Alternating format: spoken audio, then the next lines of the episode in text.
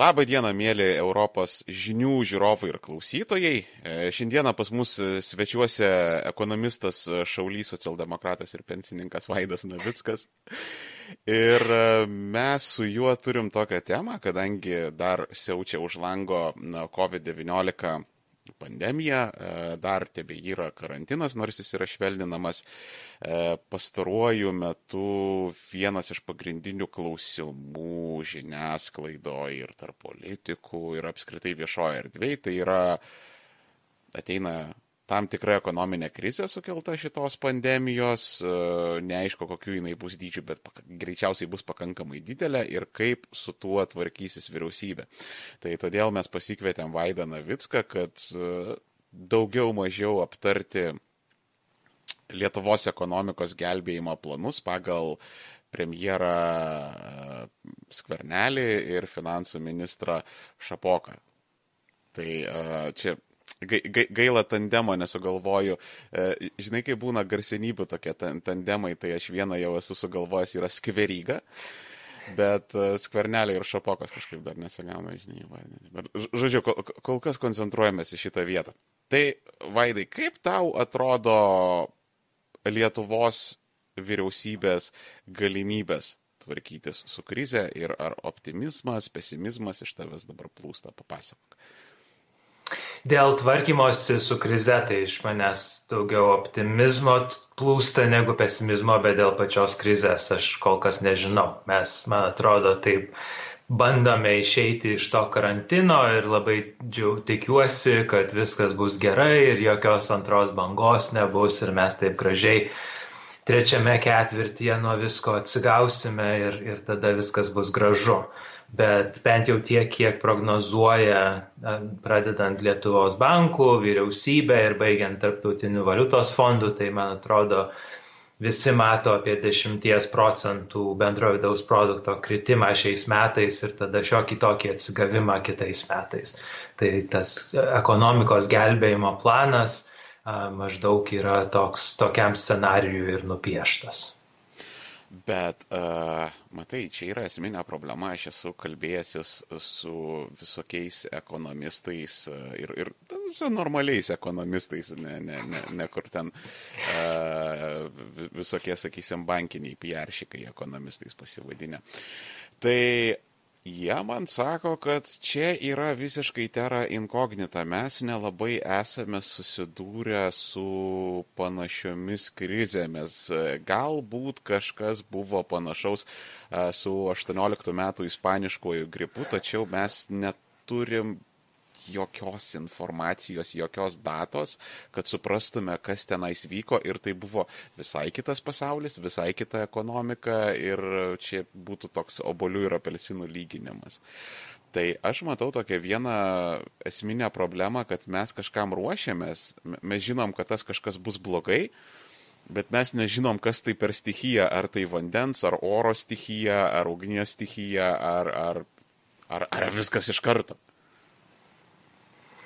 ir, ir nežinosime. Ir tame, man atrodo, yra visa, visas menas tų krizių valdymo, nes niekada nežinai, kaip giliai krisi ir iš kokios duobės reikės išsikapstyti. Tai aš irgi, ne, nebūdamas didžiausių optimistų, aš ten girdžiu, kad džiaugiasi bankų ekonomistai, kaip pas mus tas COVID buvo mažiau išplitęs negu vakarų Europoje ir todėl mes mažiau smuksime ir greičiau atsi, atsi, atsigausime, bet uh, visko gali būti, gali būti antra, antra viruso banga, po kurios ta ekonomika toliau gali važiuoti žemyn, tai tamstos paminėtas ispanų gripas, juk ten irgi buvo nemažai miestų, bent jau jungtinėse valstijose, kur yra keri duomenys, buvo pirmoji banga, ten visi užsidėjo savo kaukės, paskui ta užsikrėtimų skaičius sumažėjo ir visi labai apsidžiaugę ten išlėkės švesti, vaikščioti paraduose ir panašiai. Ir tada buvo antra banga, kuri buvo didesnė už pirmąją. Tai man, aš labai norėčiau, kad mūsų ministro pirmininko ir sveikatos ministro optimizmas ir um, juo grįstas ekonomikos atidarimas, kad jisai būtų tvarus ir kad ta antra banga pas mus neteitų. Bet šiaip jau jai reikėtų būti pasiruošusiam. Bet aš manau, kad mes turime dabar, kaip nesame per daug prasiskolinę kaip, kaip valstybė, galime dėl to, kad esame euro nariai, mes galime nemažai ir pigiai skolintis Tai man atrodo, mes esame vieni iš valstybių, kur, bent jau Europoje, galbūt visam pasaulyje, kurios turi labai daug tos fiskalinės erdvės, kad, kad gel, ekonomiką gelbėti ir iš tos, iš tos didelės duobės išlipti. Tai toj, toj vietoje aš būčiau optimistas. Mm. A, mane suglumino tas tavo E, kai, kai tu perdavė ekonomistų žodžius, kad e, maždaug, ai, tai čia Lietuvos COVID nepalėtė, tai čia viskas yra tvarkoj. E, aš, aš turbūt, nežinau, atimčiau ekonomisto teisės ar ten kokį pažymėjimą, ar kas tenais yra, nes Nu, tai yra, nežinau, vad kai neblaivus žmogus už vairo sėda iš jo teisės atima, tai e, kai tu padarai tokį dalyką, tai reiškia, nu, tu negali vairuoti. Lygiai taip pat, jeigu ekonomistas pasako, e, Donelaičio žodžiais tokį šūdą pasako, e, tai es, esminė problema Lietuvos ekonomika yra labai atvira ekonomika. Jis yra labai priklausoma nuo eksporto, tiek ir apie žaliavas, tiek ir apie pardavimus. Tai jeigu mūsų COVID nepalėtė, tai viskas tvarkoj. Bet e, tas COVID palies e, ir, ir palėtė vakarų Europą, gerai, Vokietijoje jisai daugiau mažiau ramiai praėjo, kuri yra ten viena iš didesnių mūsų partnerių. E, bet e, toj pačioj Italijoje mes turim nemažai priekybos partnerių, mes turim ir Prancūzijoje nemažai priekybos partnerių. Vienu žodžiu, e, ten kadangi mes labai daug eksportuojam, gali trauktis mūsų pardavimai užsienio rinkose ir po keliolika procentų laisvai.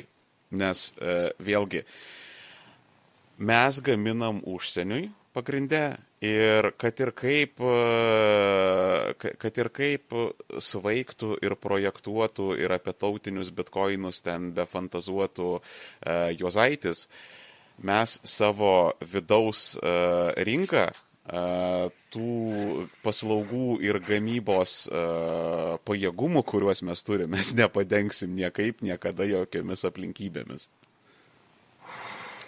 Taip, galima ten visokių optimistinių ir, irgi scenarijų prigalvoti. Tai pavyzdžiui, esu girdėjęs, kad pavyzdžiui, jeigu dabar Europos valstybės, į kurias mes daug eksportuojame, jeigu jos norės trumpinti savo tiekimo grandinės, tai Lietuva kaip pigesnė valstybė Europoje arba šal, visai greta vakarų Europos mes galime uh, iš to išlošti, pavyzdžiui. Tai čia būtų toksai optimistinis variantas, kad mūsų eksportas iš tiesų, kai ten smunka vakarų ekonomikos, teisingai jas mažiau eksportuosime to, ką dabar eksportuojame, bet galbūt sugrįž nemaža dalis gamybos į Europą ir iš to mes išlošime. Bet čia, man atrodo, vis vien dar yra kalbama apie tokius pirminius efektus ir visai nekalbama apie tai, o kas iš tikrųjų gali būti uh, kas gali atsitikti su ta pačia Europos Sąjunga, su euro ir tada kas atsitiktų su Lietuva tais scenarijais, nes aš manau, kad čia yra toks vienas iš kertinių istorinių momentų mūsų istorijoje. Iki šiol viskas ta Sąjunga buvo gerai, mes pripratę, kad ten viskas, mums į ją nekreipiant dėmesio, ten viskas normaliai vyksta, mums jie siunčia kas metai po 2 milijardus ir mes nelabai kreipiame dėmesio. Tai dabar, man atrodo, tie dalykai galės keistis. Manau, kad išmušti tuos pačius 2 milijardus į metus, kur anksčiau gaudavome ateinančioje finansinėje perspektyvoje, man atrodo, bus labai labai sudėtinga, nes iš tiesų pietų Europos šalys, kurios daug daugiau nukentėjo nuo nuo tos COVID krizės negu mes. Nemanau, kad jos taip lengvai sutiktų finansuoti ES, iš kurios jie nieko negauna, o Lietuva, kaip ir anksčiau, gauna didžiausią dalį iš visų Europos šalių, ten pagal nuošimtį bendro vidaus produkto mes gaudavome daugiausiai iš ES. Tai aš manau, reikia planuoti, kad bent jau tie europiniai pinigėliai gali pri, sumažėti ir tada mūsų ekonomika iš tiesų bus um, kai kalbame apie skatinimą, tai čia bus priešingas efektas, kad mums reikės kažkaip dar ir tuos, tą paklausą, kurią generuodavo Europos pinigėliai, dar ir tą reikės pakeisti. Aš manau, kad čia palauka Ram Emanuelis Berot sakė, čia kas nežinot, yra Amerikos demokratų partijos, pavadinkim jį didelis ir stambus funkcionierius. Tai jisai Berot sakė, kad e, nešvaistykit geros krizės. Never let a good crisis go to waste. Tai aš galvoju, kad ilguoju laikotarpiu e, mūsų ekonomikoje šita visa korona krizė ir aš, aš šitai žiūriu kaip į kompleksinį dalyką, nes mes turėjome medicininę krizę, tada seks ekonominė krizė, e, tada ekonominė krizė išprovokuos ilguoju laikotarpiu kažkokią politinę ir geopolitinę krizę. E, ta politinė, geopolitinė krizė greičiausiai eis paraleliai su antrosiom ir trečiosiom bangom, nes e, yra epidemiologų, kurie sako, kad žiūrėkit visą Rytų Aziją seniai šaltų sezonų vaikšto su respiratoriais ir jie gyvena su tom epidemijom ir pandemijom ir mums reikia prisitaikyti prie naujos normos. Tai a, žiūrinti tai, mes, nu, sakysim, tai bus a, taip maž, maždaug pailiui e, medicininė krizė, e, ekonominė krizė, politinė krizė, medicininė krizė, ekonominė krizė, politinė krizė ir iš pradžių banguos daug, o po to tas bangavimas mažės, mažės ir kol, užsit, kol mes priprasim ir išeisi tiesėje. Tai ilguoju laikotarpiu. E, mano ir ten kai, kai kurių geostrategų projekcijos yra, kad tas regionas tos um, naujųjų 16 valstybių ES, e, gal šiek tiek mažiau, nes ten yra truputėlį problemų, pavyzdžiui, su Kipru, su Malta, kurie irgi relatyviai neseniai prisijungė. Tai, sakysim, tai bendrai šnekant, e, buvę Sovietų sąjungos e, satelitai ir okupuoti subjektai. Uh, Tai a, ten gali būti naujas dinamikos ir naujo ekonomikos spurto augimas. Ir aš truputėlį noriu tai pagrysti tuo, kad, kaip tu minėjai, a, atsiras akstino a, perkelti dalį gamybos a, ar, arčiau namų, a, sutrumpinti tas visas gamybos grandinės. Ir kitas dalykas, Mes dar atsimenam 90-uosius čia rytų Europoje. Ta prasme, mes dar nesame tiek išpopinti ir taip grubiai išnekant, dar nesame tokie baltarankiai kaip kai kurie vakarų europiečiai ir dar tokie grūdinti ir daug, daugiau mažiau atsimenam tuos sunkumus. E, taip, vakarų Europoje irgi buvo visko 70-aisiais, pavyzdžiui, Didžioji Britanija, ten man kaip Britai pasakoja, ten ten iš viso distopija buvo, kur ten mėsa dingdavo iš parduotuvių, elektra ten dingdavo, ten, žodžiu. Bet e, jau pakankamai daug laiko praėjo, tai yra 70-ieji buvo gerokai seniau negu 90-ieji, tai, tai tiesiog apie institucinę atmintį išnekant. Kaip tau mano pasvarstymai? Tai aš sutinku, kad turime Lietuvoje labai puikų verslą, kuris yra ištvėręs jau ne vieną, o galbūt jau čia jų bent trečia krizė buvo 97 metų, paskui buvo 2008-2009 ir dabar čia jau trečia didelė krizė. 2014 tai... buvo po Krymo aneksijos, kai rinkos užsidarė, irgi pakrito. Tai va, ketvirta ir dar penkta buvo juk ten tas visas išėjimas iš Sovietų sąjungos. Taip tai mes tikrai per tuos, nežinau, 30 metų nepriklausomybės jau 4-5 krizės tikrai esame išgyvenę. Tai tai aš mane nuteikia optimistiškai, tačiau kita vertus, man atrodo, mūsų ta, ta sėkmės istorija, taip vadinama, jinai turi labai tokį vieną pagrindą, kuris yra ta integracija į, į Europos Sąjungą ir labai dideli pinigai, kurie buvo mums dalinami tos pačios ES. Ir aš bijau, kad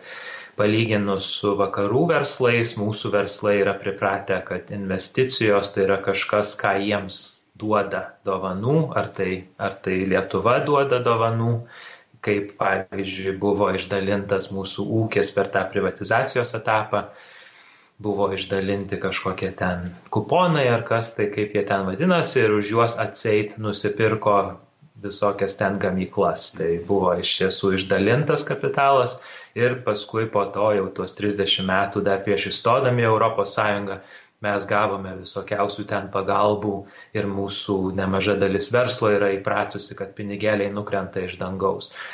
Tai, tai vien tas kapitalo šaltinis yra toksai, kuris gali ir tikėtina jisai pranyks. Ir antras dalykas pati ta ES rinka. Jeigu mes žiūrėtume ir Lietuvoje apie tai vėlgi visai nekalbama, bet kas dabar darosi ir kur mes man, matome tą trūkinėjimą tos bendros rinkos, tai pirmiausia, kadangi pietų Europos šalys yra labiau paveiktos šito koronaviruso ir jos yra labiau įsiskolinę, jie neturėjo ir neturi tiek pat galimybių remti savo vietinius verslus, kiek Šiaurės Europos šalys gali tai daryti. Ir tai iškreipia bendrąją rinką.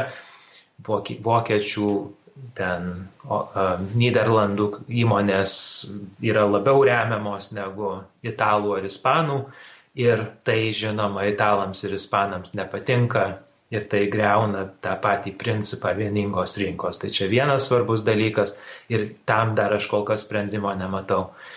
Ir antras, antras dalykas yra prieš ten savaitę ar kiek išėjęs Vokietijos konstitucinio teismo sprendimas pagal kurį jie yra nusprendę, kad Vokietijos konstitucinis teismas yra viršesnis už Europos, uh, kaip European Court of Justice. Ah, okay. uh, nežinau, kaip lietuviškai mes tai vadiname, bet tą Europos teismą, mhm. kad vokie, vokiečiai yra viršiau už Europos teismą.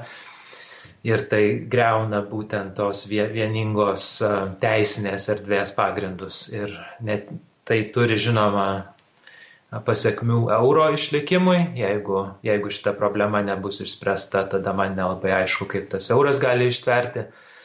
Bet mūsų, jeigu mūsų, mes esame 30 metų pripratę, kad yra toksai nekintantis dalykas, kuris vadinasi Europos Sąjunga, kuris mus ten labai myli ir mums ten atsiunčia pinigėlių ir viskas taip pat ir bus per amžius amen. Ir va ten, man atrodo, yra gali būti mūsų didžiausias sukretimas. Ir jeigu ta Europa pradės birėti, tai tada reikės padaryti e, svarbių pasirinkimų, su kuriais ten, su kuriuo bloku mes būsime, ar ten Vokietija, ar Skandinavija, ar Višegradu. Čia dar gal būnant optimistų ir galvojant, kad jie su mumis, vienas iš tų blokų norės su mumis bendradarbiauti. Uh, jo, uh, čia vėlgi man tas Ramas Emanuelis įsijungia, nes e, iš kitos pusės e, gal ir bus gerai, e, kad nutrūks tie europiniai pinigėliai, nes e, mes iš principo tuos, kiek čia 15 metų, kol buvome Europos Sąjungoje, mes e, tiesiog sukūrėm idealius procesus, kaip e, likvidžius pinigus konvertuoti į trinkeles, tiesiog į trinkeles, nekilnojamą turtą, apžvalgos aikšteles, ten žaidimų aikšteles, kultūrnamius, ką tik tai nori. Ta prasme, vat, vat, labai gerai mes šitą dalyką mokėjom. E, to nebus, galbūt, nes matai, kada tu didesnę dalį tų pinigų išvaistai ir, ir investuoji tik tai mažesnę dalį, tai tau kaip ir jokio skirtumo nėra, ar, ar tau nutruks tie europiniai pinigai ar nenutruks, aš čia garsiai svarstau, nes čia reikėtų pasižiūrėti tas proporcijas, kiek iš tiesų yra įsisavinama, kiek yra investuojama. Bet čia gali būti toks spyrės į užpakalį, nes e, aš taip sakyčiau, kad e, po krizės Lietuvos ekonomika yra dar įjungusi tokią ir, ir Lietuva kaip ir visuomenė, kad vat, jau po krizės mes kažkaip tokie vat, uh, nurime, kaip ir to nėra to tokio alkio, kuris buvo prieš kriziniais laikais, kad čia augam, darom, žinai, va tokio, uh, kaip vos nesmetodinių laikų tokio šuolio, žinai, buvo. Uh, tai, tai, tai gali vėlgi ilgojo laikotarpio išeiti gerą. Trumpuoju laikotarpiu aš nebejoju, kad čia bus visko, tai, tai bus labai skausminga ir tai yra ne juokas, aš uh, Aš, aš pilnai suprantu, kad aš čia šneku labai makieveliškai, nes e, čia dar nereikia pamiršti, kad e, dabar aš tiksliai neatsimenu, bet kažkiek e, nukritus šalies ekonomikos, e, ar ten BVP, ar apskritai tiesiog kažkokiu procentu pakritus šalies ekonomikai, tie procentai nuo tam tikro lygio konvertuojasi į mirtis. Tai čia yra pakankamai ne vaikų žaidimai, bet jeigu taip žiūrėti iš tokios tolimos šachmatų perspektyvos, galbūt, galbūt kažkas išeis gero. Tai jo, spyris į užpakalį visada skauda ir, ir toks perėjimas prie kitokio ekonominio modelio skaudėtų. Mm. Ir man atrodo, kad būtent tas mūsų vystimasis, ta, tos trinkelės yra, yra vienas iš pagrindinių mūsų ekonomikos tokių variklių, dėja. Ir čia aš žiūrėjau į tas priemonės, kur, kur priimtos, gal, galbūt jau jos šiek tiek pasikeitė, bet uh, Pavyzdžiui, ten 310 milijonų buvo paskirta kelių rekonstravimui ir 250 milijonų valstybės investicijų programai papildomiems projektams, iš kurių turbūt irgi nemaža dalis bus keliai ir, ir, ir pastatai. Mhm. Mačiau straipsnį apie tai, kad papildomi pinigai yra skiriami uh, Lietuvos aukštosiom mokyklom ir tada paskaitai, o kamgi tie pinigai bus naudojami, tai žinoma, kad jie bus Slėnėms. naudojami pastatų remontui.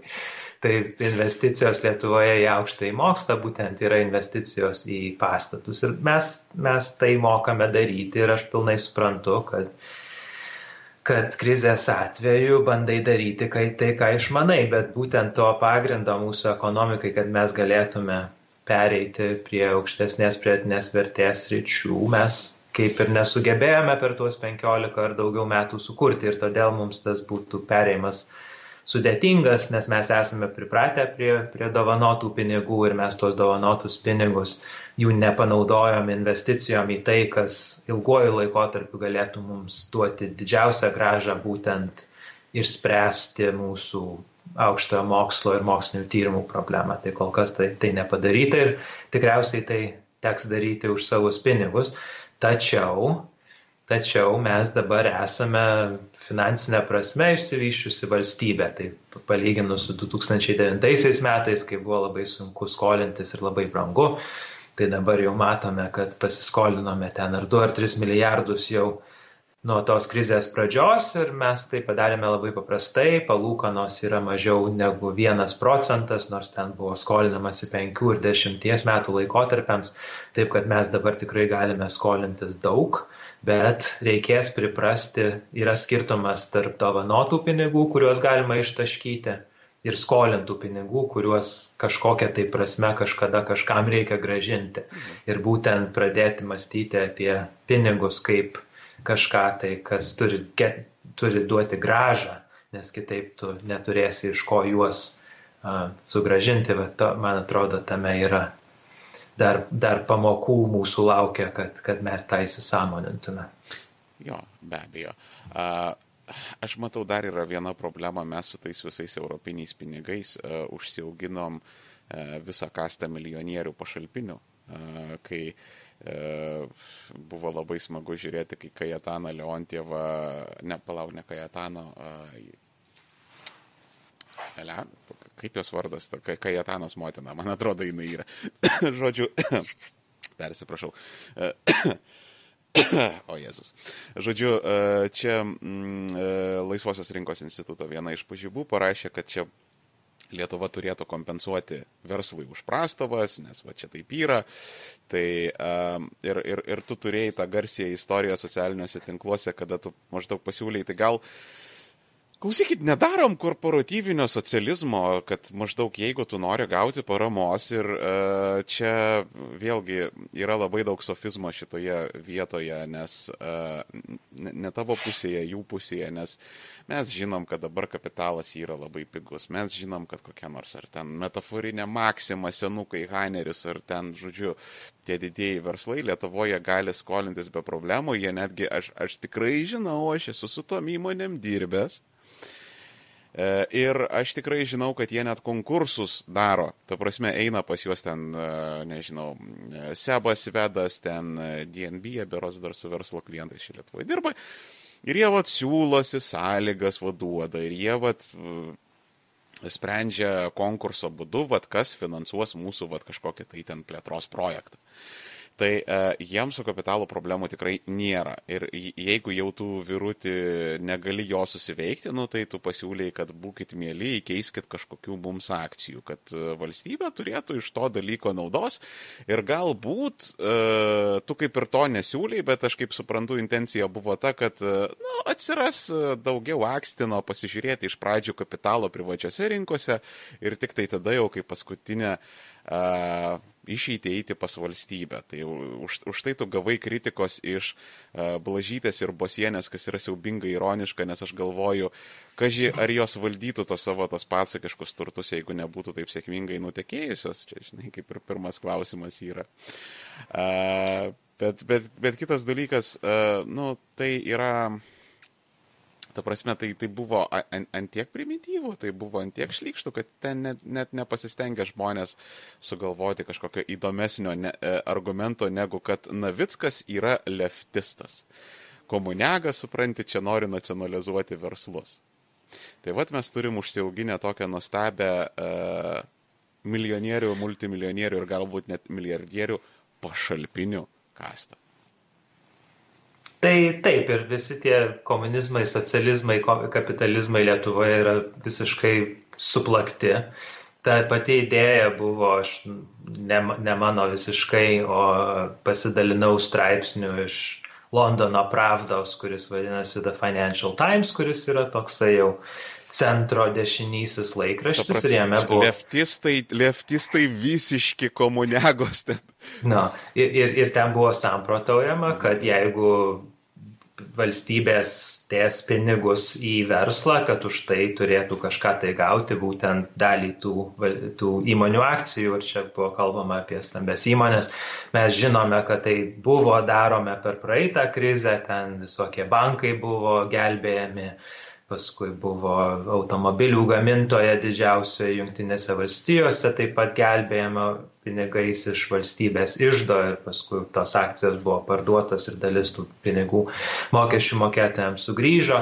Dabar lygiai tas pats yra daroma ten su vokiečių avialinijomis ir labai džiaugiuosi, kad visgi ta idėja ne mano čia buvo stumiama, bet e, Lietuvos banko pono Jurgilo valdybos nario Lietuvoje tas fondas, kurį ponas Jurgilas norėjo įsteigti, kiek suprantu, yra steigiamas verslo paramos fondas, kuris būtent tuo principu ir veiks, kad jeigu ateis stambus verslas, kuriam reikia pinigų, tai tada valstybė gaus ten dalį. Kitaip sakant, valstybė investuos į tos įmonės kapitalą.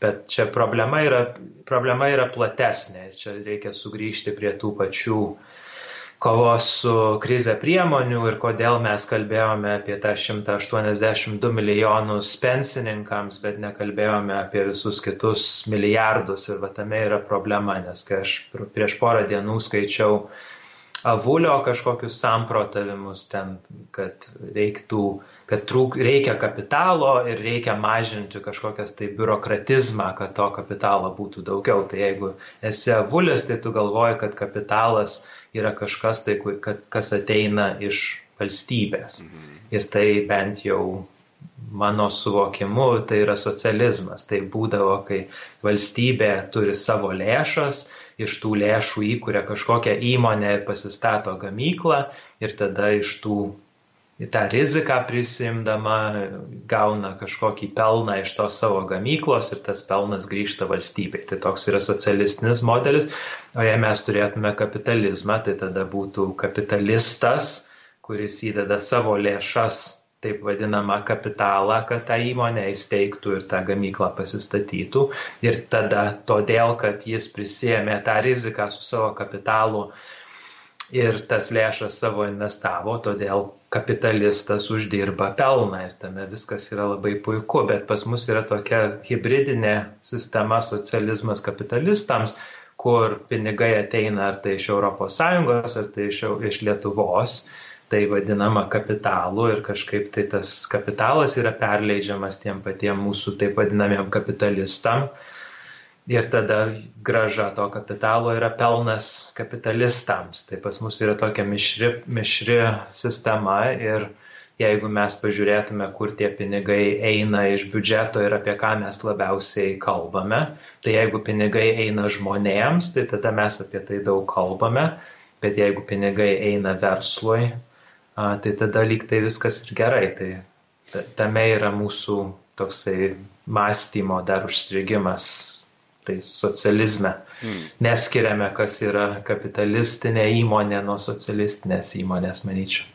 Jo, ir, ir čia labai, man būna labai gaila stebėti, kada yra smulkus verslininkai, kurie, sakysim, pamato tą tokį komentarą, kad žiūrėkit, Navickas koks yra baisinis komunega ir tas smulkus verslininkas tiesiog pradeda šugalintis, išsigandęs, kad va Jėzus Marija, nors iš tiesų, man atrodo, tas Navickas iš viso net jam neįdomus tas smulkus verslininkas ir tegul jisai tik tai gyvena ir ten tiesiog atstokit nuo jo. Ir, ir tas būna labai makabriška, kada tas stambusis verslas tuos smulkiuosius užkusina, kad žiūrėkit, vat jie iš jūsų viską atims. Ir jie tada kaip durneliai eina uh, tų, uh, kurie principė galima sakyti, čia biški gali tokia pasirodyti komunistinė retorika, bet iš tiesų tie stambieji verslai stovi jiems ant, visiems ant kuprų, nes aš, aš statybinėme sektorija savo akim mačiau. Uh, va, tarkim, statybinis sektorius, jisai yra Lietuvoje absoliučiai parazitinis, Jisai yra labai per didelis. E, aš, aš dirbau statybose, aš ten neilgai dirbau, bet man užteko pamatyti, kad uh, normaliom sąlygom tas mūsų statybų sektorius turbūt būtų 3-4 kart mažesnis. Bet uh, pas mus kas yra? Mes turim tą visą trinkelių ekonomiką. Gerai, uh, išplėsiu statybinis infrastruktūrinis sektorius, taip. Uh, mes turim tą trinkelių ekonomiką. Uh, yra, nu, iki keliasdešimt stambių ir apystambių Lietuvoje statybinių ir infrastruktūrinių įmonių. Jos surenka didumą visų tų užsakymų, nes, nu, UAB ten Česloda ir Antanas ir kompanija iš garažiuko, jisai tikrai ten aplinkelio nestato.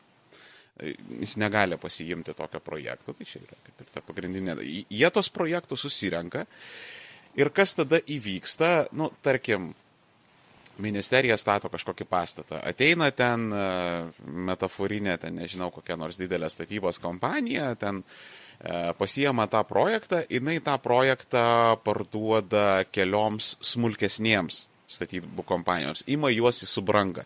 Tos kelios smulkesnės pasijama dar smulkesnių ir galiausiai taip gaunasi, kad ten kiekvieną kabinetą, kiekvieną koridorių atskirai pasidalinę vos net ten smulkus uabo daro po, po, po 2-3 darbuotojus arba iš viso ten vos nepatintininkai stovi ir, ir, ir, ir e, to, to, tokiais smulkiais iš tos dėlionės e, susideda tas visas pastatas. Ir taip gaunasi, kad ta, nežinau, metaforinė eika e, pasijama ten, tarkim, 5 milijonus, jinai ten kokius 4 milijonus padalina žemyn, tie padalina 3 milijonus žemyn ir finale gaunasi tas pastatas, kaip ir kainavo ten 5 milijonus, bet realiai jisai yra pastatytas ten už pusantro milijono eurų. Nu, tarkim. Ja. Ir e, čia yra šita vieta ir plus tas stambusis verslas e, statybinis, infrastruktūrinis, jisai labai daug eksportuoja ir tas eksportas vyksta nedidelių, relatyviai nedidelių vietinių algų pagrindų. Ir e, kadangi tas verslas, čia šnekant apie biurokratizmą ir panašiai, ne, ne, kada jūs norite ten lauko išvietę pasistatyti, tai tada jūs susidurėt su biurokratizmu. Patikėkit manim, nei dargis, nei avulis. Uh, ten biurokratizmo nėra. Ta prasme, jie ten gali savivaldybėse koją duris atidarinėti ir pačios savivaldybės eina šniūrai sugniaužusios kepurės, kad e, mielą savulį prašom pastatykite tą viešbutį ar dar kažką pas mumis, nes bet mes norim prisitraukti ten kažko, ten turistų ar dar kažką. Tai aš, aš nekalbu apie nei korupciją, nei kažką, aš tiesiog kalbu, kad jie eina visai su kitokiom sąlygom. E, ta prasme, pas juos eina, ne jie eina.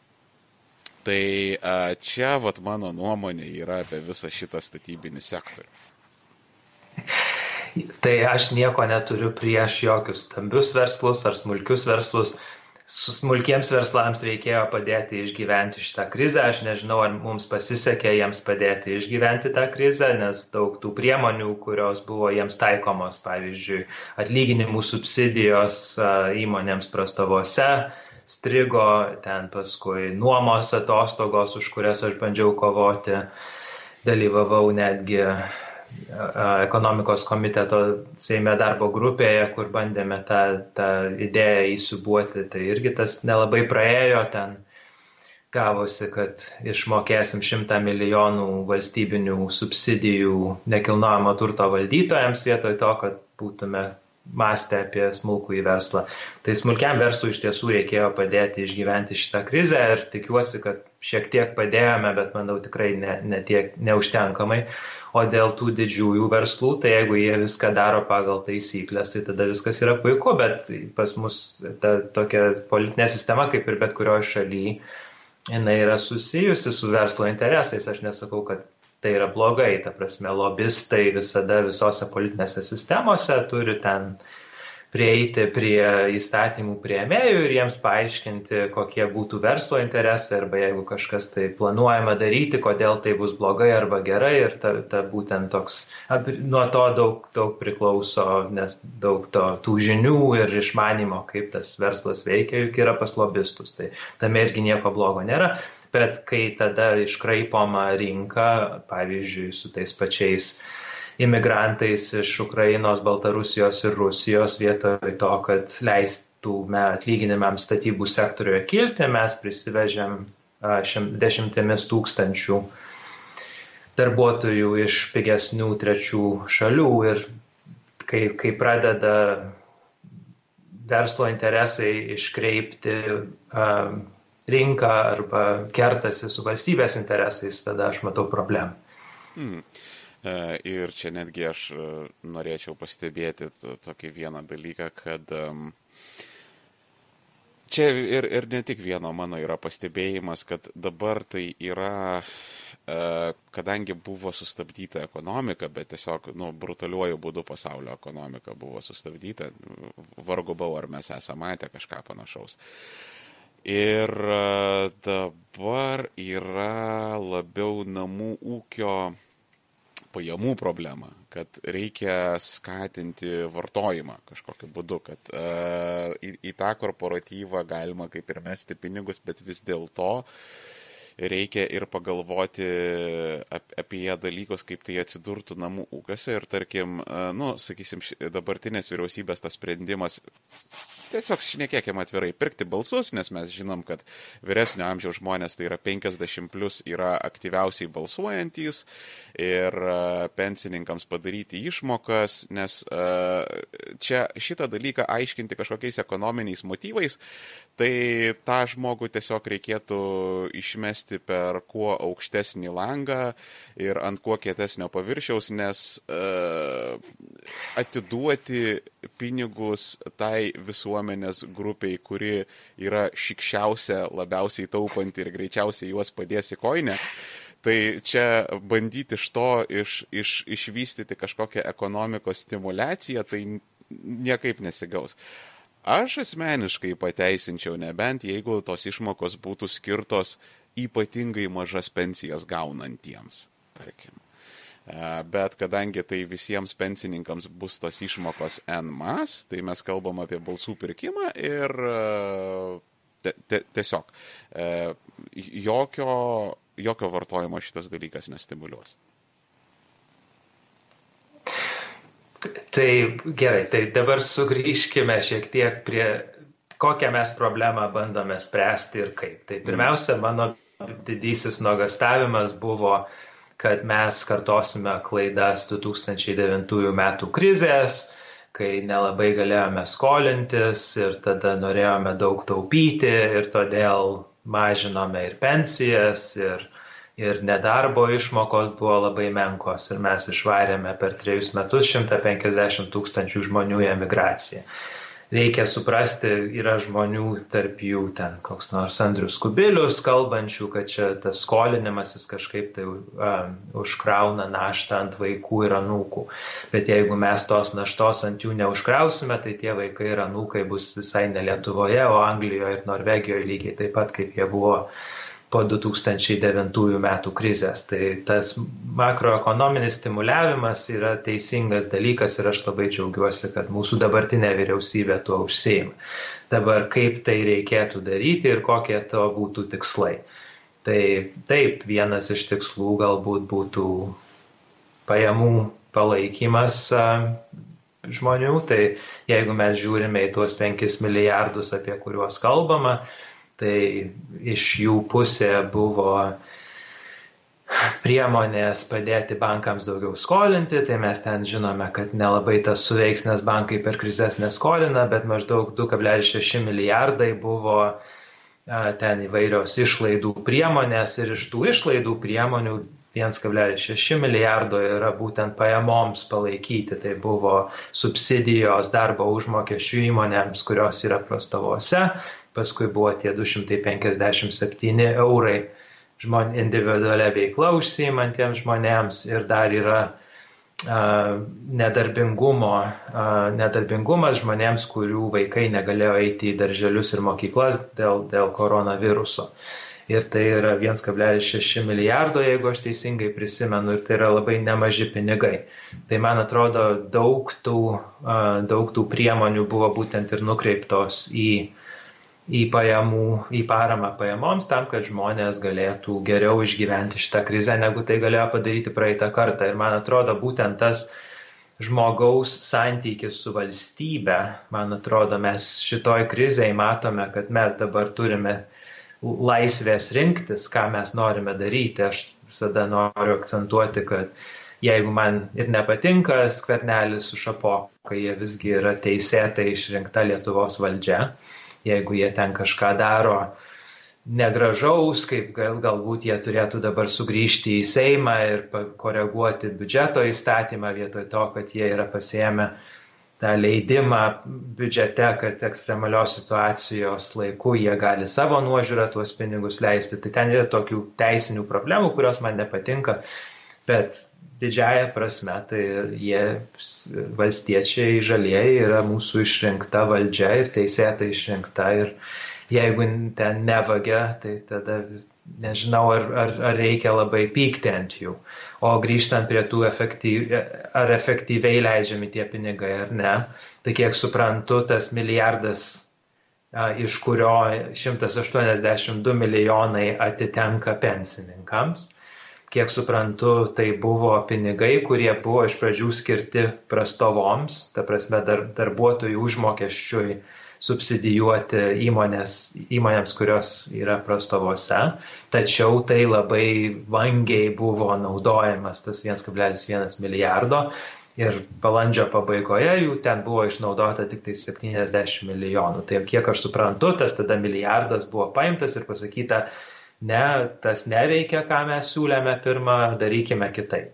Mhm. Ir dauguma to papildomo milijardo yra visiškai ne pensijoms, o subsidijuoti vėlgi žmonių atlyginimus. Tai pavyzdžiui, įmonė, kuri, kurioje baigėsi prastova, pavyzdžiui, koks nors restoranas buvo uždarytas, dabar atsidaro, juk jų paklausa to restorano paslaugoms, tam maistui, juk jinai nesugrįž šimtų procentų iš karto, jiems bus labai sudėtinga ten atsidaryti, kol sugrįž tie jų klientai. O išlaidos tai nesumažėjo. O, o išlaidos, jeigu tu atsidarai tą savo restoraną, tai jos yra kokios yra. Tai didelė dalis to milijardo buvo skirta subsidijuoti būtent atlyginimus įmonėse, kurios atsidaro po, po prastovų. Tai man atrodo, Galima tą kritikuoti priemonę, sakyti, kad čia yra socializmas vėlgi verslui, nes valstybė dabar dengia verslo kaštus, tai galbūt, bet jeigu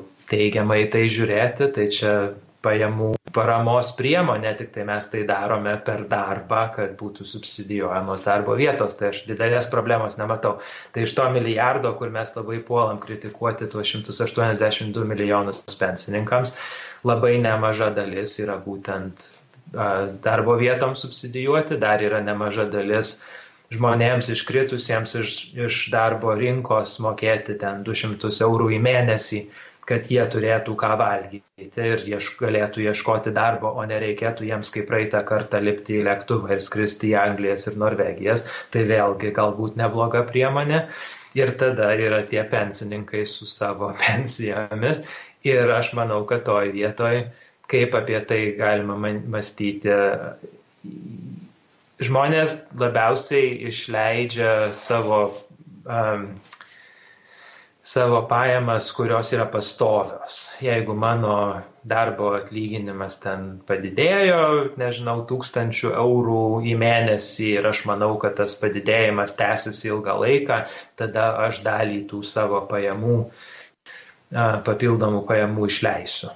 Bent jau ekonomikos teorija tokia yra, o kai gaunu kažkokį vieną, vien, vienkartinę išmoką, poro šimtų eurų, tai kadangi tai nėra pastovus pajamų padidėjimas, tai aš ją turbūt sutaupysiu, mm. tačiau um, nesiveliant į visas tas ekonominės teorijas, žmonės, kurių vartojimas yra apribotas, jie net negauna tiek pinigų, kiek norėtų. Pavyzdžiui, kažkieno tai automobilis yra sugedęs ir jie neturi pinigų tą automobilį pasitaisyti Tai jeigu jie gauna tą vienkartinę išmoką, tai jie tada, kadangi buvo jų vartojimas ribojamas, tai dabar jie gali tą, tuos pinigus išleisti. Tai aš nesijimsiu spręsti, kiek mūsų pensininkų, kurių ten tos varganos pensijos vidutiniškai yra 300, neprisimenu, 50 eurų ar šiek tiek daugiau žmonėms su, su pilnu stažu, ten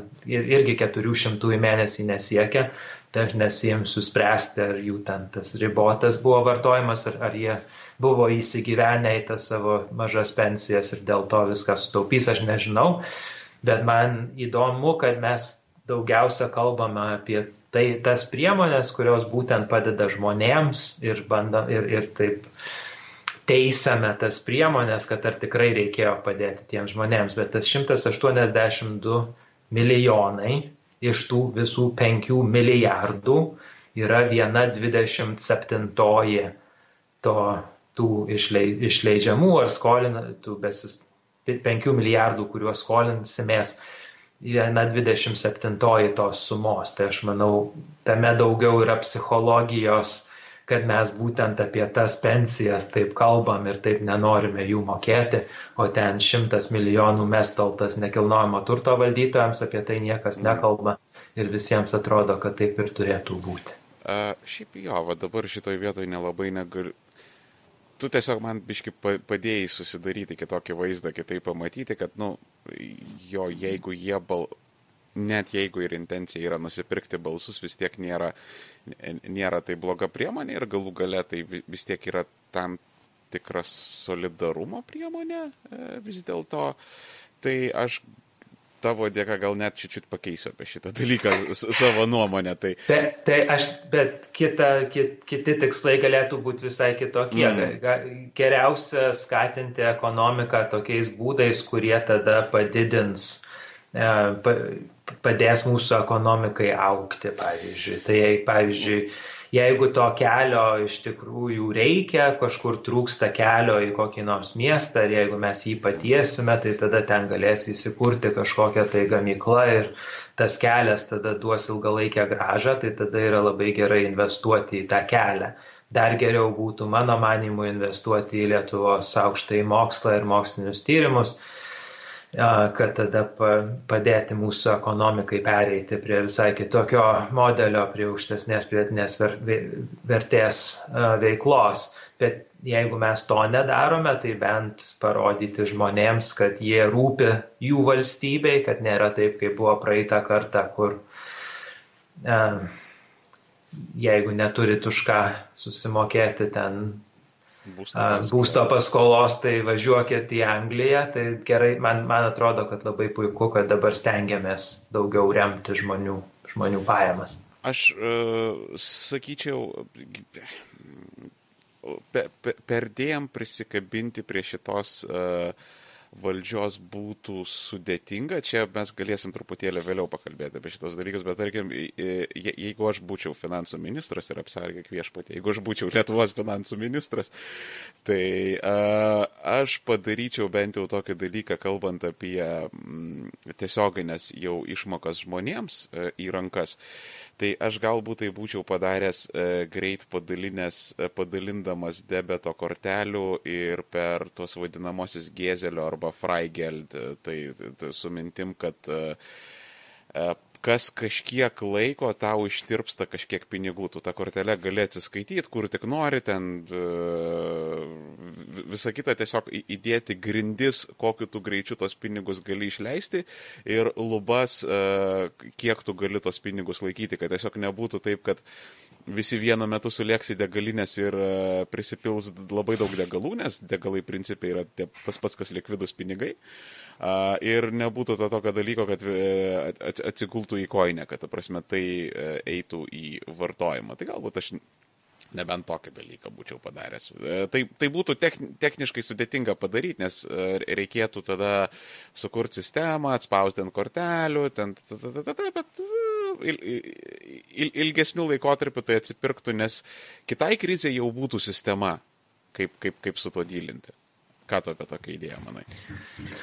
Manau, teisinga idėja. Manyčiau, kitų ten būdų galėtų būti padalinti kažkokius, tai ten, kaip mes juos vadinam Lietuvoje, voucheriais ar kuponais ar kažkuo, tai kur būtent Lietuvo, Lietuvoje pagamintoms prekiams arba paslaugoms nes viena iš problemų, kadangi esame maža atvira ekonomika, jeigu gauni kažkokiu pinigų iš valstybės ir nueini nusipirki televizorių, tas televizorius ne Lietuvoje bus gamintas ir ta tavo paklausa jinai labai greitai išteka, išteka iš šalies, tai jeigu tas būtų priemonės, kaip tam staminėjai, kur jas reikia išleisti, negali sutaupyti ir dar jeigu jos būtų nukreiptos į Lietuvos žmonių sukuriamas prekes ir paslaugas, tai tada būtų geresnis ekonomikos skatinimas.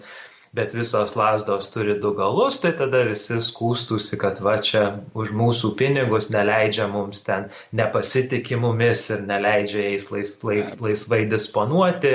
Ir kaip čia yra baisu veryga, vėl čia mums liepia kirptis ar ten dar ką nors ir negalime pirkti alkoholio už tuos pinigus. Vis tiek būtų kažkokių politinių naratyvų, kaip viskas yra blogai, nes visada, visada visos lasdos turi du galus.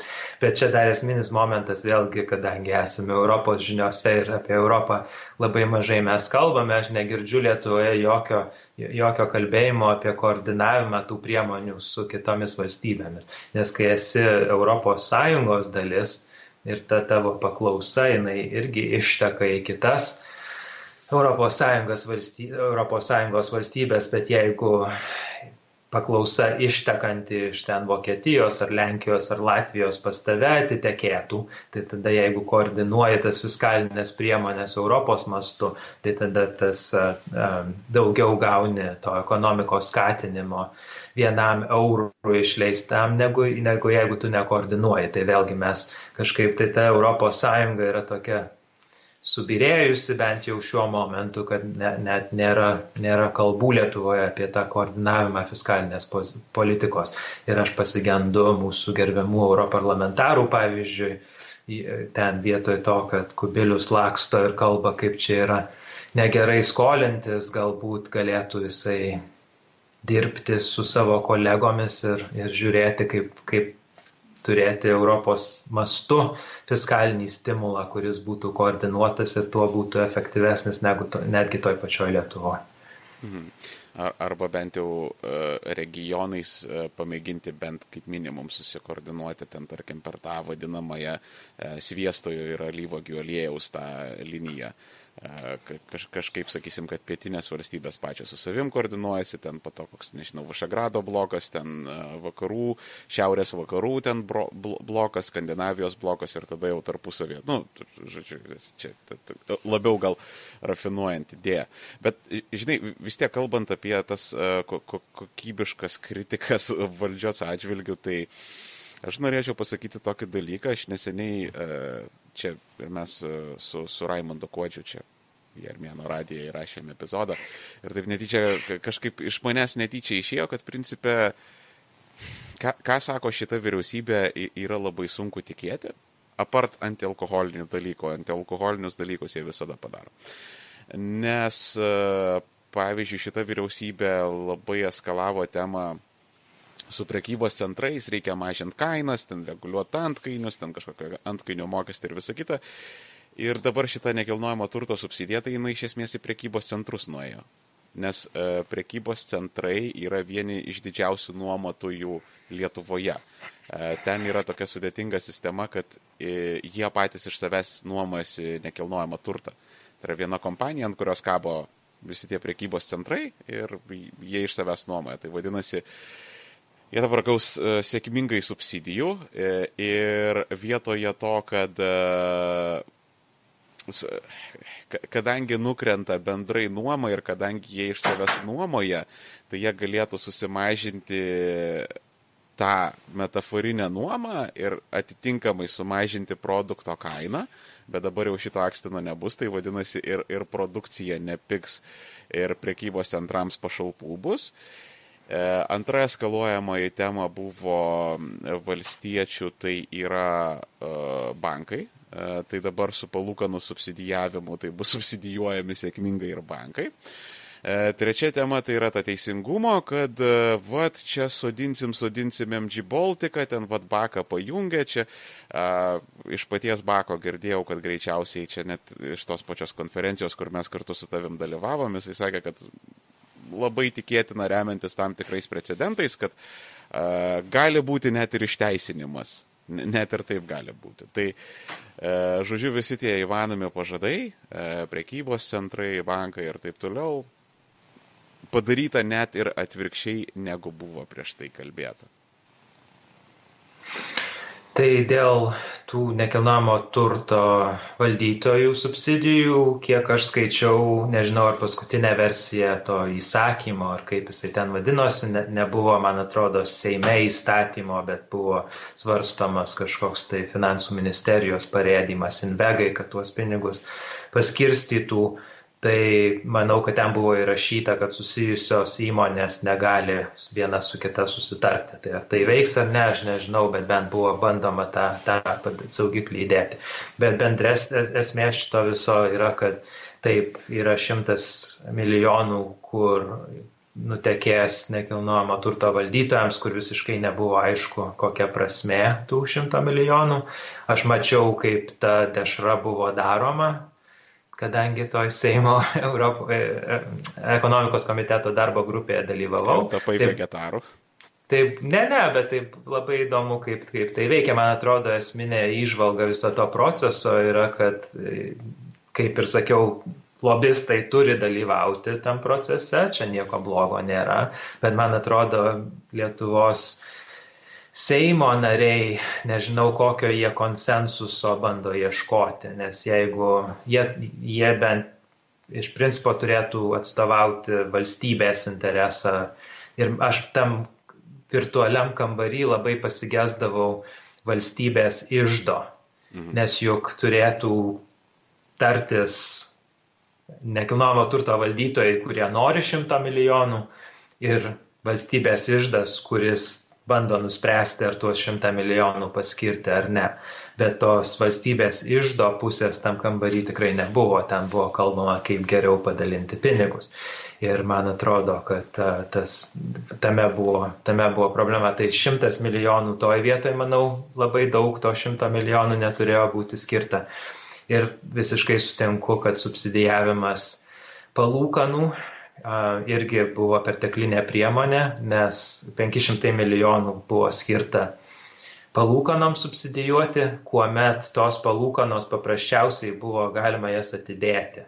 Ir buvo visa reguliacinė aplinka sukurta bankams, kad jeigu jie dėl COVID krizės susitarė su uh, skolininkų, kad atidės ir tiek, ten, tiek palūkanų mokėjimą, tiek pačios paskolos mokėjimą tam karantino periodui, tai tos paskolos net nebus traktuojamos kaip blogos paskolos, nebus ten jokių banko kapitalo problemų ir panašiai. Tai vėlgi buvo tokia perteklinė priemonė, kur 500 milijonų mano manimu daugeliu atveju mes ten be reikalo subsidijuojame tas palūkanas, jos paprasčiausiai galėjo būti atidėtos ir dar nemaža dalis jau čia ne, ne, ne šiandienos išlaidos, bet dar buvo pusę milijardo garantijų išdalinta ir nežinau, kuo tai viskas baigėsi, bet buvo labai daug kalbama, kad dauguma tų garantijų bus ne naujoms paskoloms, o būtent egzistuojančioms paskoloms. Ir tai, to aš visiškai nesuprantu, nes uh, suprantu, kad krizės metu bankai nenori skolinti ir daugeliu atveju reikės valstybės garantijos, kad tie bankai galėtų skolinti, nes kitaip jie neskolins. Tai aš naujoms paskoloms viską puikiai suprantu, bet pas mus, man atrodo, buvo nemaža dalis tų bent jau planuojama tų garantijų išdalinti egzistuojančioms paskoloms, kas apskritai neturi jokios ekonominės prasmės. Tai vėlgi, kai kalbame apie tuos 182 milijonus pensijoms, Tai labai daug girdžiu viešoje erdvėje, kai kalbame apie pusę milijardo mhm. palūkanoms, kurių tikriausiai nereikėjo, kitos pusės milijardo, kur ten nemažai bus garantijų senoms paskoloms, kurių vėlgi nereikėjo, dar šimtas milijonų, atsiprašau, ten buvo po 500 milijonų tie du ir dar šimtas milijonų nekilnojamo turto valdytojams tai ten jau susidaro gan, gana nemaži pinigai, bet apie tai aš viešų diskusijų nelabai girdėjau.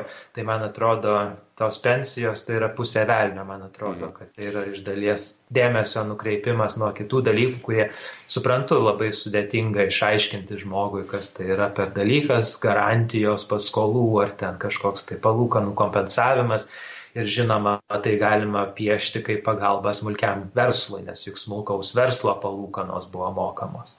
Tai ir, ir lygiai taip pat su nuoma ten, jeigu mm. paklausytume nekilnojamo turto valdytojų, tai juk čia jų, jų nuomonė yra, pa, yra pagalba smulkiam verslui, nes smulkus verslas kitaip turėtų mokėti tą, tą nuomą. Bet daugeliu atveju buvo susitarta tarp to smulkaus verslo ir nuomotojo, kad ta nuoma bus atidedama arba per karantiną jos iš vis nereiks mokėti. Mm. Tai valstybė įsikišo su savo šimtų milijonų ir ta, ta visa rinka kažkaip tai ten išsi. Nu, susijaukė. Išsi, susijaukė, tiesiog mes neleidome nuomotojams ir nuomininkams patiems susitarti, o tiem, kurie susitarė, kiek girdžiu, jie dabar jau nebegaus tos subsidijos, tai išėjo toksai jovalas, kaip kaip ir galbūt galima buvo tikėtis. Bet, bet, ja. bet žiūrėk, vis tiek čia gaunasi, kad e, čia, čia kur tu suminėjai, nu, grubiai išnekant, e, kvestionuotinus tos pinigus, tai aš taip, jeigu gerai aritmetiškai suskaičiavau, čia gal koks milijardas gal klausy gavosi, kažkas, žinai, netoli to. Tai tarkim, kad ir tiems patiems medikams čia išeitų tokios gana subsidijos tokios sultingos, žinai, priemokos, nu, toks hazard pay, ne, kaip tarkim, e, galima būtų ten vienkartinės padaryti. Tai, tai, taip, ir iš pradžių 500 milijonų buvo skirta būtent su medikais ir su virusu susijusiam priemonėm ir dabar, kai žiūrėjau, balandžio pabaigoje buvo toksai finansų ministerijos leidinys Lietuvos stabilumo 2020 m. programa. Tai ką jie ten įrašė balandžio pabaigoje, tai apsaugos priemonėms, plaučių ventiliatoriams ir visam kitam velniui susijusiam ten su tuo virusu buvo paskirta 119 milijonų. Mhm. Ir, o a, medicinos darbuotojų socia papildomoms socialinėms garantijoms jie net nerodo atskirai, jie viską įmetė į tas medicinos darbuotojų garantijas, įmetė į vieną puodą su uh, nedarbingumo išmokoms žmonėms, kurių vaikai nejo į darželius ir mokyklas ir taip tą puodą pavadino 415 milijonų. Tai nežinau net kiek tiems vargšams medikams ten atiteko, kad net neišskiria finansų ministerija į atskirą eilutę. Arba aš gal kur nors pražiūrėjau, bet vienu žodžiu, man atrodo, žinutė yra ta, kad iš tų 5 milijardų būtent viruso suvaldymui, kuris yra viso šito dalyko šaknis. Mes turbūt išleidome ten geriausiu atveju pusę milijardo arba mhm. kiek ten. Dešimtadalį to tų penkių milijardų mes geriausiu atveju išleidome, o galbūt dar mažiau. Ir jeigu kalbėtume apie tą antrąją bangą, ar bus jinai ar nebus, tai juk žinojome, ko mums reikia, kad jinai neteitų. Mums reikėjo ir tų apsaugos priemonių, mums reikėjo ir kažkokių, ir daugiau to testavimo, nežinau, gal mes jo užtektinai dabar turime ir ten galimybės epidemiologams atsekti visus ten žmonės, kurie turėjo kažkokį tai prisilietimą, pabuvimą su žmogumi, kuris yra diagnozuotas su tuo virusu. Ir aš nelabai esu girdėjęs, kad mes būtume investavę į tą infrastruktūrą, kuri mums būtent ir padėtų suvaldyti tą, tą virusą, bent jau kiek aš matau, nebūdamas epidemiologu, aš ne, ne, nematau, kad mes naudotume kažkokias tai mobilias programėlės, kurios sektų pro ką mes ten esame praėję, kas galimai mus būtų apkrėtęs. Tas testavimas, ten jo daug ir, ir, ir gerai, kad jo daug, bet aš nežinau, ar jisai yra taip valdomas, kad būtų tie visi žydiniai atsakami ir sudomi, o, o dėl tų, kaip kalba ten kokia Kalifornija, kaip jie samdys dešimtis tūkstančių žmonių, kad atsektų tuos žmonės, su, kurie, su kuriais buvo galimas kontaktas apsikrėtusių. Tai mes šitokią turim dabar nedarbo problemą, o kad aš būčiau girdėjęs, kad mes tūkstančiais samdome žmonės, kurie padėtų surasti kontaktus koronavirusu apskrėtusių žmonių, tai aš visiškai nesu apie tai girdėjęs. Tai man atrodo, čia tokia daugiau viltis yra, kad mes esame suvaldę tą koronavirusą negu investuota ne kad būtų investuota į, į infrastruktūrą, kuri, kuri mums iš tiesų padėtų jį suvaldyti. Svarbiausias dar ir dalykas ne tik infrastruktūra, ta prasme, kas iš to ventiliatoriaus, jeigu nėra, kas jį naudoja šalia. Tai ir, yra irgi svarbi medikų a, apmokėjimo, labai svarbus medikų apmokėjimo klausimas ir reikia nepamiršti, kad nu, anksčiau ir vėliau tas visas entuzijazmas, ta visa gera valia iš, iš, išgaruos, nes su kiekviena ateinančia banga e, mes ir jie vis labiau ir labiau priprasim ir ten bus užprogramuota problema. Bet e, žiūrėk, aš, aš norėčiau e, vis tiek šitą pokalbį leisti į, į, į pabaigą, nes jeigu mes jau į tas medicinės peripetės lysim, tai čia gali būti pasaka be galo. E, bet e, aš vat, vakar su tuo pačiu kuodžiu šnekėdamas e, buvo mūsų aptarta viena tokia priemonė, kuri praktiškai viešoje erdvėje yra beveik nesvarstoma šiuo metu, bet uh, aš galiu papasakoti ir daugybė žmonių be manęs gali papasakoti apie vieną tokį metodą, kur uh, čia, nu, sakysim, be E, be, be jokio hypo, be jokio ažiotažo, be jokių hiperbolizacijų, kur galima ištraukti milijardus pinigų. Tikrąją to žodžio prasme milijardus. Tai uh, yra kompanijos tokios kaip Google, kaip Facebook, kaip uh, Amazonas. Jos renka žmonių informaciją. Ta informacija yra įmanoma pirkti ir ją netgi perka. Aš iš mokesčių inspekcijos esu girdėjęs patvirtinimą. E, ta informacija susistemizavus pagal demografiją, tarkim, paimkim ten, sakysim, ten e, žmonės iš Lietuvos, ten pavyzdžiui nuo 20 iki 50 metų amžiaus, geografiškai ten apribokim ten tokiais tokiais miestais, e, kuičiant tą visą informaciją galima rasti, kas, pavyzdžiui, iš Amazono galima rasti informacijos, kur, sakysim, žmonės daug perka brangių kompiuterių ir mobilių telefonų, bet, pavyzdžiui, pagal uh, pajamų deklaracijas jie ten į metus uždirba nedaugiau kelių tūkstančių eurų, tarkime, ne?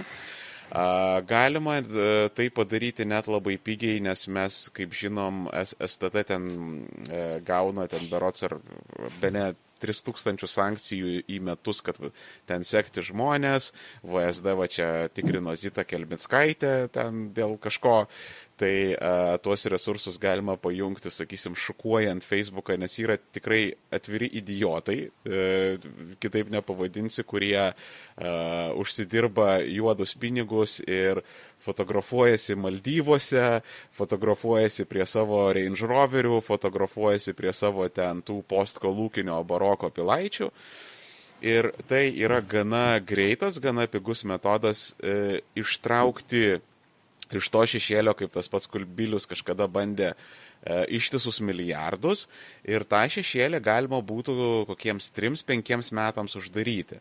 Nes, nu, po to jau atsiras opsekas, žmonės sužinos apie VPNus, žmonės e, pradės atsargiau elgtis, žmonės ten kokią kriptovaliutą, žodžiu, bet kokiems 3-5 metams e, tą juodą į sektorių galima būtų tikrai pažaboti ir apriboti ir ištraukti labai daug naudos.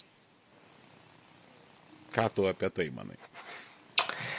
Tai manau, čia yra toks platesnis klausimas apskritai apie mūsų visą tą mokesčių sistemą ir, ir mūsų tą skolinimas ir panašiai. Tai aš kaip, kaip apie tai kalbėčiau. Mm. Prisiminkime mūsų prezidento um, siūlymą, ten iš to pen, jo penkių punktų liktai antrasis buvo, kad mes sieksime gerovės valstybės Ir vienas daiktas, ką tai reikš, kad mūsų biudžetas vietoj to, kad būtų 30 procentų mūsų šalies ekonomikos, padidės iki 40 procentų. Tai atsiprašau, iki 35. Europos vidurkis yra 40 procentų. Okay. Tai dabar apie tuos 5 milijardus, kuriuos mes čia skolinamės ir diskutuojame, kaip mes juos išleisime.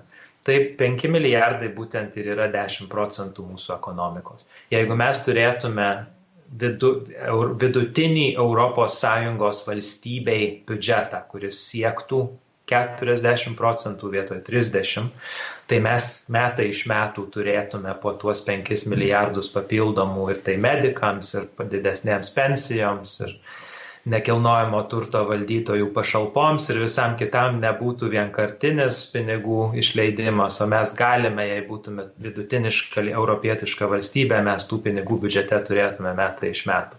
Dabar, ką mes darysime po krizės ir kokį mes biudžetą dabar turėsime, man atrodo, bus didžiosios politinės kovos laukas, nes vėlgi uh, Aš girdėsime lygiai tas pačias istorijas, kad mūsų valstybė, ten valdžia yra per didelė, kad ją reikia sutraukti, o ne padidinti. Bus viena, vienas naratyvas, antras naratyvas.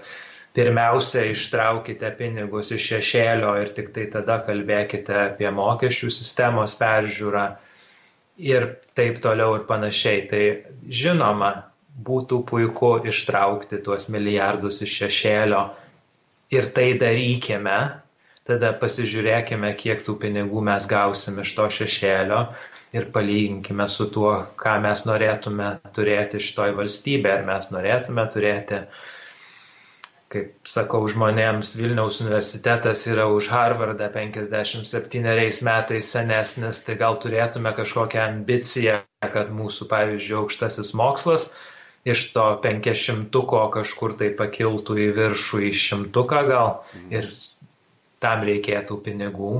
Atsiprašykime tų pačių medikų, kad mes tiek mažai jiems mokame atlyginimo ir padidinkime ne vien karantino metu, bet mes juk tikrai galime susitvarkyti savo mokesčių sistemą ir jiems mokėti normalius atlyginimus, kad nereiktų rinktis tarp emigracijos ir kažkokio tai egzistavimo Lietuvoje.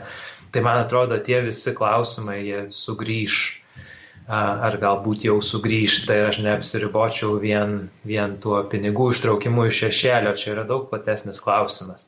Mm. Kokios valstybės mes norime. Ir man atrodo, optimistiškas dalykas tame yra tai, kad mes dabar pasimatavome tokią didesnę valstybę. Mes išleisdami tuos papildomus 5 milijardus, mes matome, kad tų pinigų, kai visada mums trūkdavo ir kalbėdavom, kur, kur rasti 8 milijonus ten kažkokius iš taršos mokesčio ar 20 milijonų iš prekybos centro mokesčio, tai ten būdavo labai, labai mažos sumos. Esmė yra, kad mes atsiliekame nuo, nuo ES vidurkio maždaug 5 milijardais į metus ir reikia nuspręsti, ar mes norime tokios valstybės kaip vakarų valstybės, ar mes ją vėl norime sugražinti į tokią, kokią turėjome, ar, įsiklausykime į nausėdos tą siūlymą ir nueikime iki 35 procentų biudžeto santykio su ekonomika. Man atrodo, apie tai reikėtų galvoti. Jo, aš, aš su tavim sutinku, kad e, čia viskas turi eiti kompleksiškai ir iš įvairių frontų. E, e, prieinant prie šitos problemos, aš tiesiog tą e, milijardų iškrapštimo iš šešėlio e, pasiūliau variantą dėl to, kad e, dabar tikrai bus sunku. Dabar tikrai ekonomika trauksis dvi ženkliai skaičiais, man neįdomu, aš esu matęs ten sadamo projekcijų, kad ten 5-7 procentai čia, mano, nu, aš, aš būsiu labai giliai nustebęs, jei e, mes tilpsim į, į, į socialinės apsaugos ir darbo ministerijos projekcijas. Tai trumpuoju laikotarpiu čia būtų galimybė iš, išsitraukti greitų pinigų ir kas, kas yra labai svarbu, e, šita priemonė jinai gali būti taikoma selektyviai. Tai yra, mes turim ištisas savivaldybės e, pasieniuose pagrindę, kur ten e, pilna yra stambių kontrabandininkų E, juos galima išrūkyti, e, iš jų galima iš, e, ekspropriuoti labai didelį, ten yra milžiniškos pinigų sumos, neįsivaizduojamos. Ir, ir, ir, ir viskas grinais, net, net, net sklinda kalbas ten apie rūsius, pribuktuotus grinaisiais pinigais ir ten visą kitą. Žodžiu, tai galima taikyti selektyviai, nes į tą šešėlį papuola visi. Ir, ir tie kontrabandininkai, Ir tie, kurie naglai slepia mokesčius, yra faktiškai milijonieriai, bet e, yra kaimuose krūva ištisų verslų, gamyklų, kurios kažką daro, bet jas nefiguruoja jokiose dokumentuose, nes visa tai vyksta nelegaliai. Ir, ir aš nebūtinai kalbu, kad tai gaminama nelegali produkcija, ten yra lentpjūvių, visokių tokių juodų pilkų ir ten e, pats, pats tų dalykų esu matęs. E, ir yra tame šešėlėje lygiai taip pat ten babulkos, kurios nueina ten žibučių į turgų parsiduoda, ar ten, e, nežinau, kažkoks jaunimėlis, ten smulkiai, ten veltiniais kažkokiais prekiauja. Tai vad, jie tegul ten sėdi, juos reikia palikti ramybėje, o tos big data priemonės, tai jos paprasčiausiai gali taikyti tą uh, gerokai galima siauriau, tuos banginius išgaudai, ištraukiai, o ten smulkios žuvelės dievė tegul plaukia ramiai. Tai aš čia tiesiog. Vat, Kodėl aš apie tai prašnekau? Tai jo, du, du momentėliai. Vienas, man atrodo, taip, darykime visą tai. Ta šešėlį naikinkime, aš nelabai suprantu, kodėl mes dar to nesame padarę. Aš atleisk, atleisk man... aš įsiterpsiu. Man atrodo, man, nes šit, šitas priemonės, sakau, VMI žino, FNTT žino jie neskuba jomis naudotis. Ir aš turiu tokį įtarimą, kad, supranti, jeigu panaudot, žiūrėk netyčia gal kokio pusę Seimo pareišį, e, kad, kad, nu, tiesiog nebūtų kaip Gruzijai kažkada, kai Sakašvilis turi visą kelių policiją atleisti. Tai, tai aš, man atrodo, čia gal su tuo gali būti susiję dalykai. Tai aš, aš nežinau, jokių hipotezių neturiu, bet aš kur lenkiu. Taip, yra ten pinigų, tačiau taip pat yra labai daug pinigų to, toje lietuviškoje problemoje, kad pas mus daugiausia pinigų uždirbantys ar pajamų gaunantys žmonės moka labai mažus mokesčius. Ir ten yra labai daug pinigų, jeigu mes turėtume gyventojų pajamų mokestį, kokį turi Junktinės valstijos, tai mes surinktume jau vien iš to milijardų daugiau. Pas mus vidurinė klasė moka amerikietiškus mokesčius, o daugiausia pajamų gaunantys žmonės Lietuvoje moka mažesnius mokestinius tarifus. Ir jeigu mokėtų amerikietiškus, tai mes iš to 10 procentų daugiausia pajamų gaunančių žmonių surinktume apie milijardą papildomai. Bet tai, tai vienas dalykas, bet svarbu, man atrodo, kad koks bebūtų tas ekonomikos kritimas šiuo, per šitą krizę tie 5 milijardai, kuriuos jau Seimas yra palaiminęs, kad mes juos skolinsimės, padidins mūsų skolą nuo 36 procentų bendro vidaus produkto iki 50 procentų. Ir tai yra vis dar nedaug. Mhm. Mes galime skolintis labai labai daug. Tai, man atrodo, pagrindinė žinutė turėtų būti žmonėms, kad jeigu mūsų politika bus nors kiek um, palanki žmogui, o ne vien ten nežinau kam. Mhm. Mes tikrai turime kaip padėti žmonėms per šitą krizę. Mhm. Tikrai nereikia jų išvaryti į emigracijas, kaip tai buvo padaryta praeitą kartą.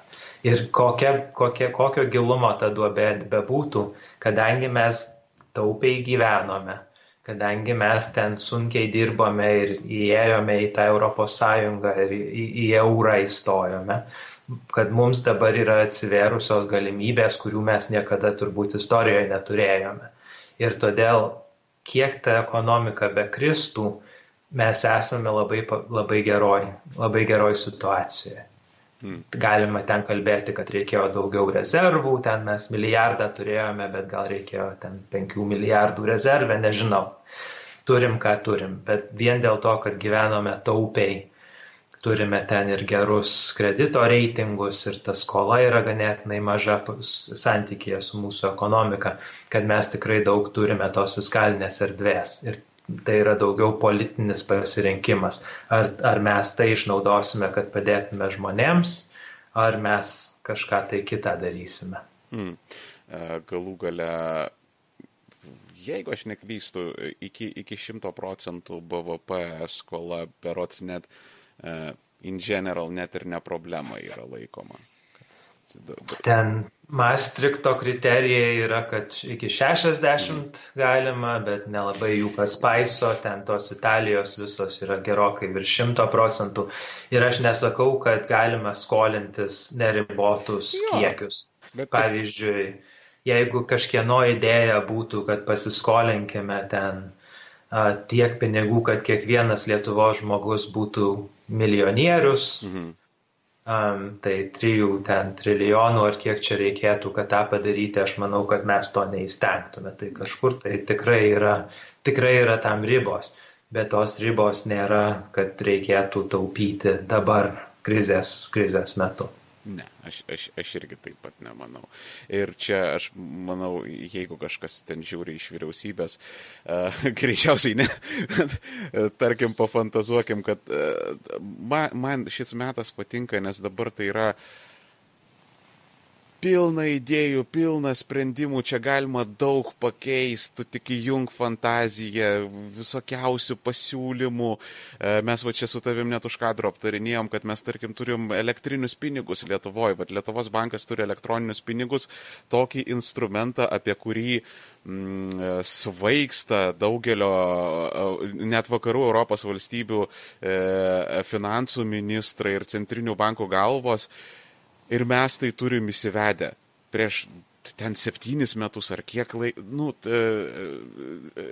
pas, pas mus vėlgi mes galim daug skolintis ir, ir čia tiesiog, vat, nu, kažkokios kūrybos, dar kažko ir, ir, ir galima iš, iš šitos krizės turėti daug įdomių dalykų, galima uh, perkurti uh, daug senų įsisenėjusių probleminių sistemų, galima išjudinti kažkokius tokius pūlinius senus, žodžiu, po, po, po nu kaip pasakyti, makieveliškai, po krizės priedangą galima padaryti labai daug gerų ir šaunių ir smagių dalykų, tiesiog fantaziją reikia įjungti. Tai aš, aš nežinau, ką čia daryti, man tiesiog iš, iš dabartinės valdžios mes nebuvom Šiaurės Italija, mes ir ekonomiškai pakankamai neblogai tvarkomės, ten galima prisiknisti prie tų priemonių, bet bendroji sumoji ta stiklinė tikrai yra puspilnė.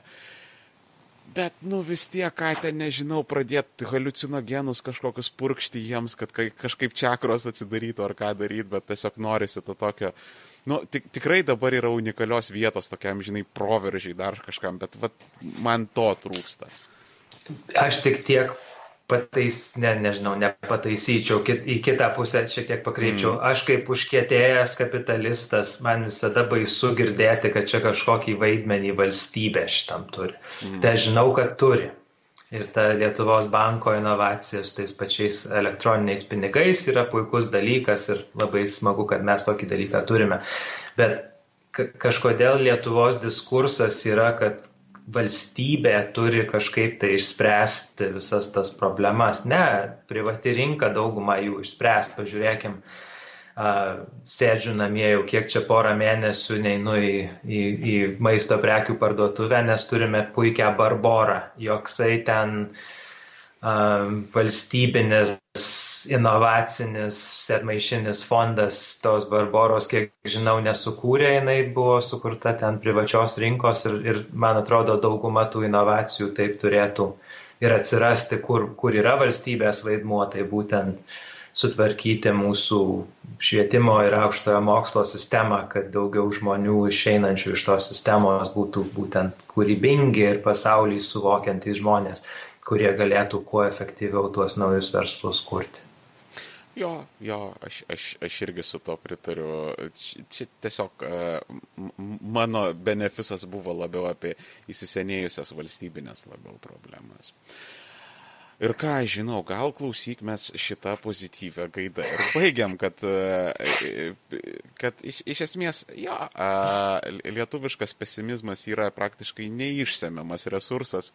E, jeigu mes galėtume savo pesimizmą kaip nors, e, žinai, kaip buvo aukso standartas, tai padengti valiutą savo, savo pesimizmu, tai turbūt būtume brangi, geriau gyventume turbūt nei Kataras ar kokia Saudo Arabija ar, ar Arabo Emiratai čia greičiausiai.